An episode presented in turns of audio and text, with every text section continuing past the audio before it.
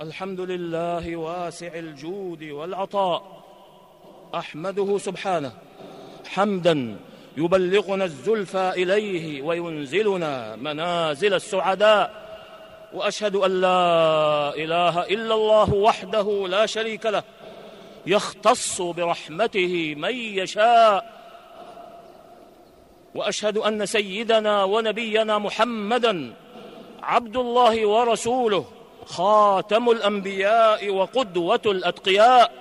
اللهم صل وسلم على عبدك ورسولك محمد وعلى آله وصحبه صلاة وسلاما دائمين.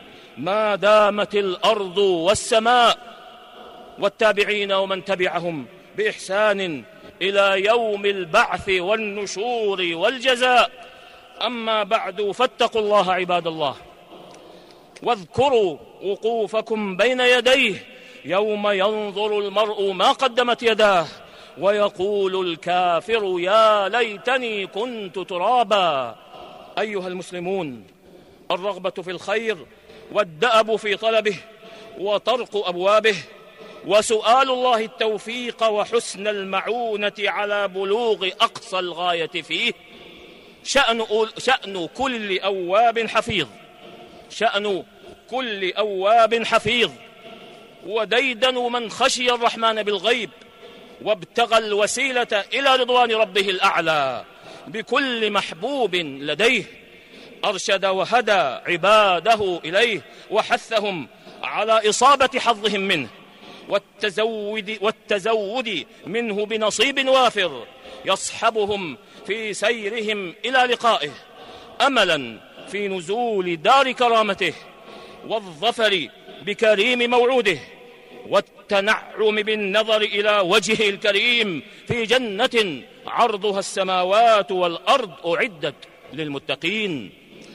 وإن دلائل سعة رحمته سبحانه وواسع فضله على عباده وإرادته الخير بهم لتبدو جلية لتبدو جلية في سعة وتعدد أبواب الخير التي أمرهم التي أمرهم ووصاهم بها ودلهم عليها ووجه أنظارهم إلى بلوغ مراقيها بما أنزل عليهم بما أنزل عليهم من البينات والهدى في محكم الكتاب وبما جاء بهم رسوله المصطفى ونبيه وحبيبه المجتبى صلوات الله وسلامه عليه فيما صح فيما صح سنده من سنته وما ثبت به النقل من هديه وطريقته.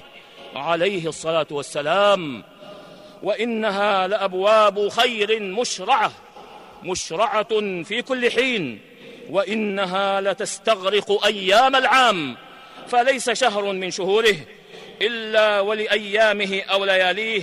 وظائف ينحو منها العبد. ينحو منها العبد إلى جمهرة من الطاعات. وحشد من القربات يزدلف بها إلى مولاه وتقر بحسن الثواب عليها عيناه. وإذا كان المسلم قد ختم عامه بعبادة ربه المتمثلة في حج بيته الحرام والعمرة وذكره سبحانه والعمرة وذكره سبحانه في أيام التشريق والتقرب إليه بذبح ونحر الهدي والأضاحي وبصيام يوم عرفة من غير الحاج وغيرها من القرب الواقعة في شهر ذي الحجة آخر شهور العام فإنه يفتتح عامه بعبادة ربه أيضا. يفتتح عامه بعبادة ربه المتمثلة في صيام شهر الله المحرم أول شهور العام. الذي أخبر النبي صلى الله عليه وسلم أن صيامه أفضل الصيام بعد رمضان كما جاء في الحديث الذي أخرجه الإمام مسلم في صحيحه وأصحاب السنن في سننهم. وهذا باعث له وهذا باعث له على تذكر الغاية التي خلق لها والمقصود الذي ذرأه الله في الأرض لأجله تلك الغاية وذلك المقصود الذي بينه عز وجل في كتابه بقوله وما خلقت الجن والانس الا ليعبدون. ما اريد منهم من رزق وما اريد ان يطعمون. ان الله هو الرزاق ذو القوه المتين. ذلك التذكر الذي يفضي به إلى دوام استحضار الحقيقة التي تغيب عن اذهان كثير من الناس.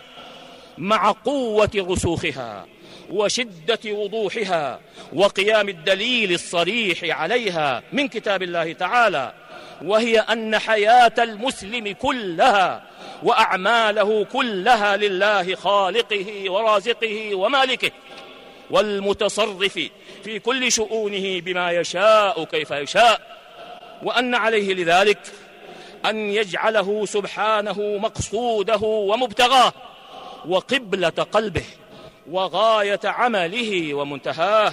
قل إن صلاتي ونسكي ومحياي ومماتي لله رب العالمين.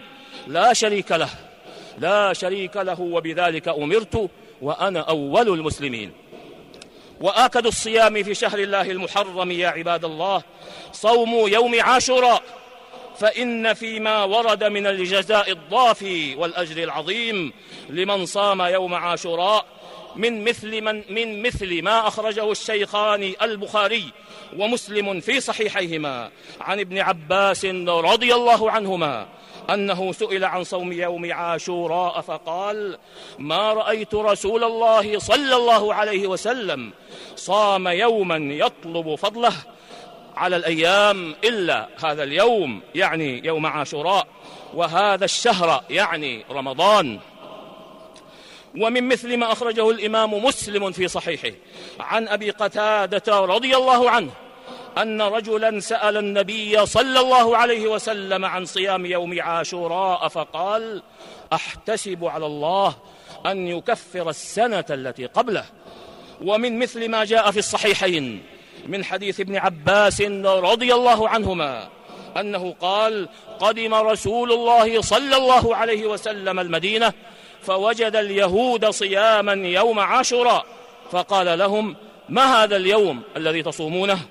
قالوا هذا يوم عظيم نجى الله فيه موسى وقومه وأغرق فرعون وقومه فصامه موسى شكرا فنحن نصومه. فقال رسول الله صلى الله عليه وسلم فنحن أحق وأولى بموسى منكم. فصامه رسول الله صلى الله عليه وسلم وأمر بصيامه.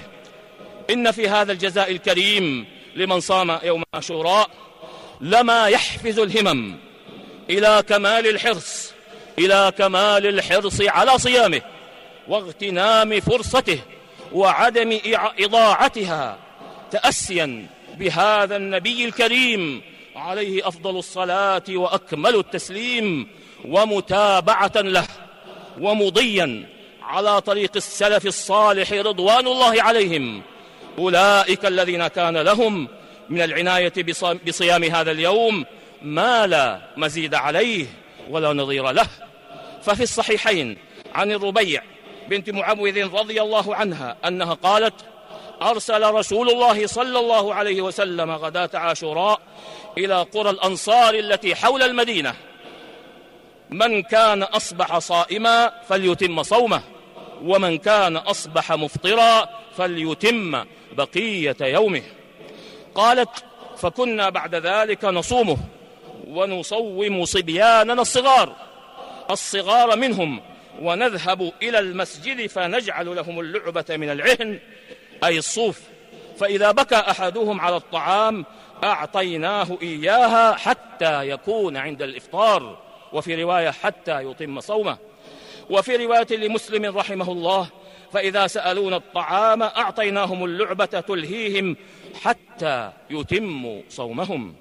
ولذا قال الإمام أبو حنيفة رحمه الله إن صيامه كان واجبا حينئذ ثم نسخ وجوبه. وأصبح مستحبا مؤكد الاستحباب وهو أيضا ظاهر كلام الإمام أحمد رحمه الله. وأما الصبيان فإن الصيام لم يكن واجبا عليهم. إن الصيام لم يكن واجبا عليهم لأنهم ليسوا بمخاطبين بشيء من التكاليف. ولكن الصحابة رضوان الله عليهم إنما حملوهم عليه كما قال الحافظ القرطبي رحمه الله حملوهم عليه تدريبا وتمرينا ومبالغة في الامتثال والطواعية. انتهى كلامه رحمه الله. وهو بكل حال لون من ألوان التربية ما أعظمه وما أجمل آثاره وما أحسن العقبى فيه.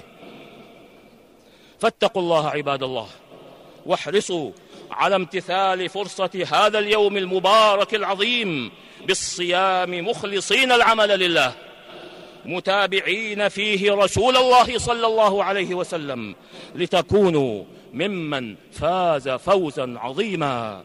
نفعني الله وإياكم بهدي كتابه وبسنة نبيه صلى الله عليه وسلم. أقول قولي هذا وأستغفر الله العظيم الجليل لي ولكم ولكافة المسلمين من كل ذنب إنه هو الغفور الرحيم. الحمد لله الهادي إلى صراط مستقيم أحمده سبحانه وهو البر الرؤوف الرحيم وأشهد أن لا إله إلا الله وحده لا شريك له وأشهد أن سيدنا ونبينا محمدا عبد الله ورسوله.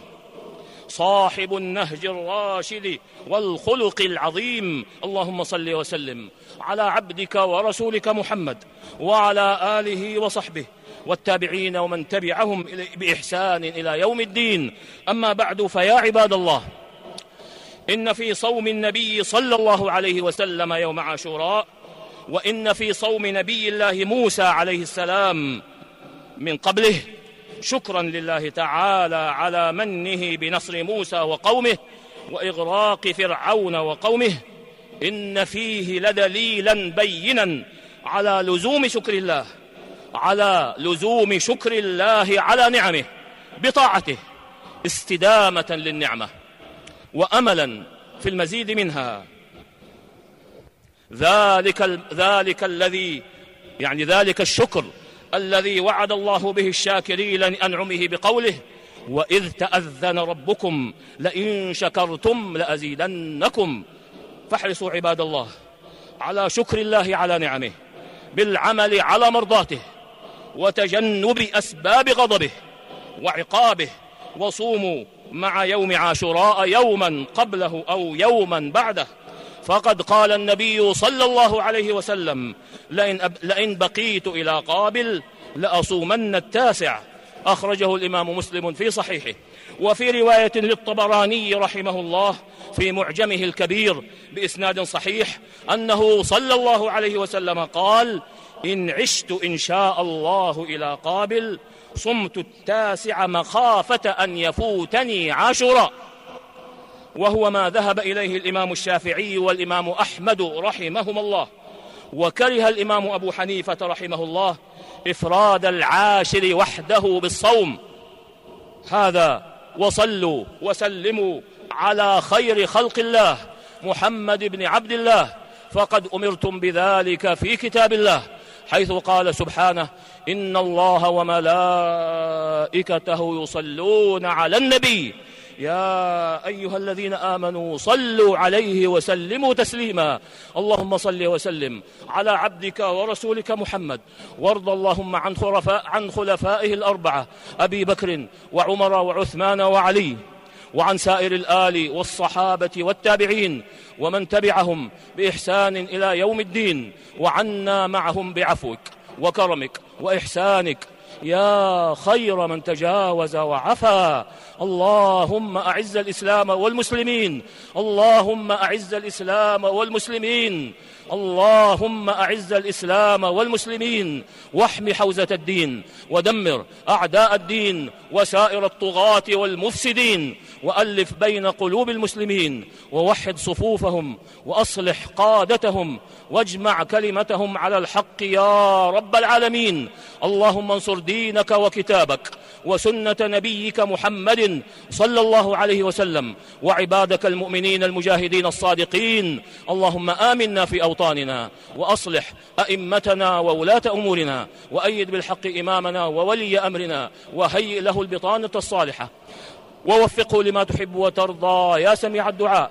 اللهم وفقه وولي عهده إلى ما فيه خير الإسلام والمسلمين وإلى ما فيه صلاح العباد والبلاد. يا من إليه المرجع يوم المعاد. اللهم آت نفوسنا تقواها وزكها أنت خير من زكاها. أنت وليها ومولاها. اللهم أصلح لنا ديننا الذي هو عصمة أمرنا. وأصلح لنا دنيانا التي فيها معاشنا وأصلح لنا آخرة التي إليها معادنا واجعل الحياة زيادة لنا في كل خير والموت راحة لنا من كل شر. اللهم إنا نسألك فعل الخيرات وترك المنكرات وحب المساكين وأن تغفر لنا وترحمنا. وإذا أردت بقوم فتنة فاقبضنا إليك غير مفتونين. اللهم إنا نعوذ بك من زوال نعمتك. وتحول عافيتك وفجاءة نقمتك وجميع سخطك يا رب العالمين.